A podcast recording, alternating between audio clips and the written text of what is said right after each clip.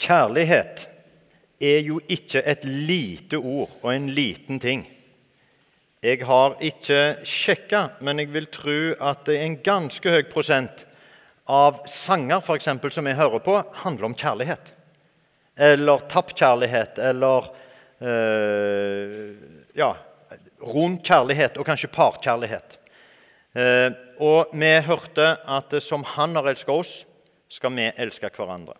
Og jeg har tatt med to eh, låser med hver sin nøkkel. To nøkler.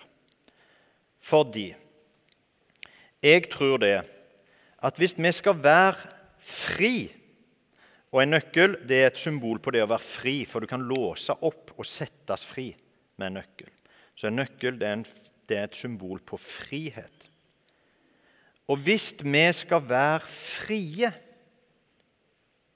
til å leve liksom helt sånn Til å leve det livet som vi kan leve, og til de vi er skapt til å være, så er det viktig med den første nøkkelen, nemlig at vi er elska. For Jesus sier 'som jeg har elsket dere, skal dere elske hverandre'. Det betyr jo i første rekke at han har elska oss. Så det at noen elsker oss, noen liker oss, respekterer oss, ser oss, oppfatter at vi er og forklarer oss at vi er verdifulle, det er den første nøkkelen og den første friheten. Det vet vi fordi de som kanskje opplever at de ikke er sikre på om de er elska, de kan føle seg bonde. sant vel? De er ikke fri til å være det de er. for de tenker, å, eller med og det er jo ikke bare noen av oss, men alle er vel kanskje på jakt etter å bli på en måte bekrefta og respekterte. Og gjøre sånn at Ja, kom igjen, si det til oss, vel. At vi er bra. At vi er gode. At du liker meg. Sånn at vi blir bekrefta og elska. Det er noen som kanskje vokser opp uten en helt grunnleggende bekreftelse og kjærlighet hjemme. Og noen av dem sliter med det. Med å finne liksom roen og til å kunne være frie. Og da er det sånn Konfirmanter, nå snakker jeg til dere. Da er det sånn at dere er elska. Vi konfirmantledere liker dere veldig godt. Det blir liksom litt rart hvis vi skal si at vi elsker dere. sant vel? Det blir litt kleint. Men vi liker dere veldig godt. Og vi har ønsket å formidle til dere at dere er OK. Vi vil se dere. Vi vil bekrefte at dere er bra. Og jeg håper dere har en familie og et hjem, og venner kanskje, men en familie og et hjem hvor dere er bekrefta. Hvor dere har fått opplevd at dere er elska på en sånn måte at det setter dere fri. Men så er det det at Jesus sier 'Jeg elsker dere', sier han. Selv om vi ikke skulle ha et sånt et hjem, selv om vi ikke skulle ha venner, selv om vi ikke skulle ha noen som bekrefter oss, og som elsker oss, så er det én, altså. Det er én i bånd, på en måte. Og det er han som har skapt oss og sier 'Jeg elsker dere'. Det er den første nøkkelen. Det kan sette dere fri. Jo mer dere oppdager av det, hva det betyr å være elska av Han, jo friere blir dere. Jo friere blir dere. For vi trenger å være elska. Og da er det sånn at det å elske noen, det er ikke alltid helt gratis. Det koster noe for noen. Det koster noe for Jesus og vise at han elsker dere.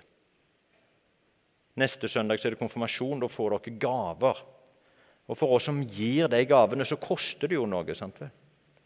Vi må jo gi fra oss noe for at dere skal få noe. Og Det er kjærlighetsgaver. Det er for å vise at vi bryr oss, at vi liker dere. Da, men det har en kostnad. Ganske liten kostnad, kanskje. Ja, ja, Det spørs hvor stor gaven er. da. Men for Jesus å vise virkelig hans kjærlighet til dere, så hadde det en stor kostnad. Han måtte jo betale med livet sitt til slutt for oss å vise hvor mye han elsker dere. Så den første det er du er elska. Men så er det én Jeg har én lås til. Det er én nøkkel til. Fordi det er en frihet. Det er liksom et level til da, på det med frihet. For det er ikke bare sånn at uh, frihet er å oppleve at vi er elska. Men Jesus sier som jeg har elska dere, skal dere elske hverandre.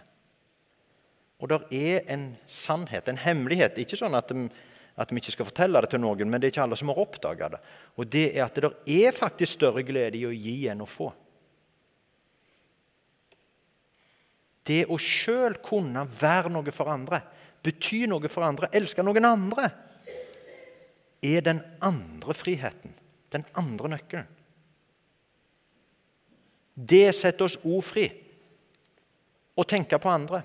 For ellers så tenker vi jo bare på oss sjøl. Og det å bare være fokusert på seg sjøl kan gi oss mye problemer. Å tenke på ok, hvordan er jeg nå, hvordan har jeg det nå, hvordan ser jeg ut nå, hvordan er jeg likt, likt nå, hvordan er jeg, hvordan er jeg, hvordan er jeg, hvordan er jeg i forhold til andre, kan bli veldig stress. da. Veldig bonden. For det er jo vanskelig å nå opp til de idealene vi setter oss. Så vi blir liksom litt for lite alltid. Men det å få perspektivet over på noen andre Oi, tenk jeg kan gjøre noe for noen. Jeg kan bety noe for noen. Det er på en måte en frihet. For du blir litt fri fra det der Oi, er det, er det greit? Er det godt? Til Oi, hva kan jeg gjøre? Og Det er den andre nøkkelen. Det er den andre friheten. Jesus vil dere noe. Han vil si 'jeg er glad i dere', og så vil han si 'vær glad i hverandre'. Vis den kjærligheten videre til noen andre. Så settes du fri. For Jesus kom for å sette oss fri, han. ikke for å binde oss, sette oss i fengsel og gjøre det vanskelig, men for å sette oss fri til å leve. Til å leve på en basis av at vi er elska, den første nøkkelen, første friheten, og den andre på den basis å elske andre og bry oss om noen andre. De to frihetene. Vi skal be ei bønn som står i Bibelen, for dere. I Efeserne 3 så står det sånn Derfor bøyer jeg mine knær for Far, Han som har gitt navn til alt som kalles Far i himmel og på jord. Må Han, som er så rik på herlighet, gi deres indre menneske kraft og styrke ved sin ånd må Kristus ved troen bo i deres hjerter, og dere står rotfestet og grunnfestet i kjærlighet. Må dere sammen med de hellige bli i stand til å fatte bredden og lengden og høyden og dybden, ja, kjenne Kristi kjærlighet, som overgår all kunnskap. Må dere bli fulgt av hele Guds fylde, Han som virker i oss med sin kraft og kan gjøre uendelig mye mer enn det vi ber om og forstår. Ham være ære i Kirken og i Kristus Jesus gjennom alle slekter og evigheter. Amen.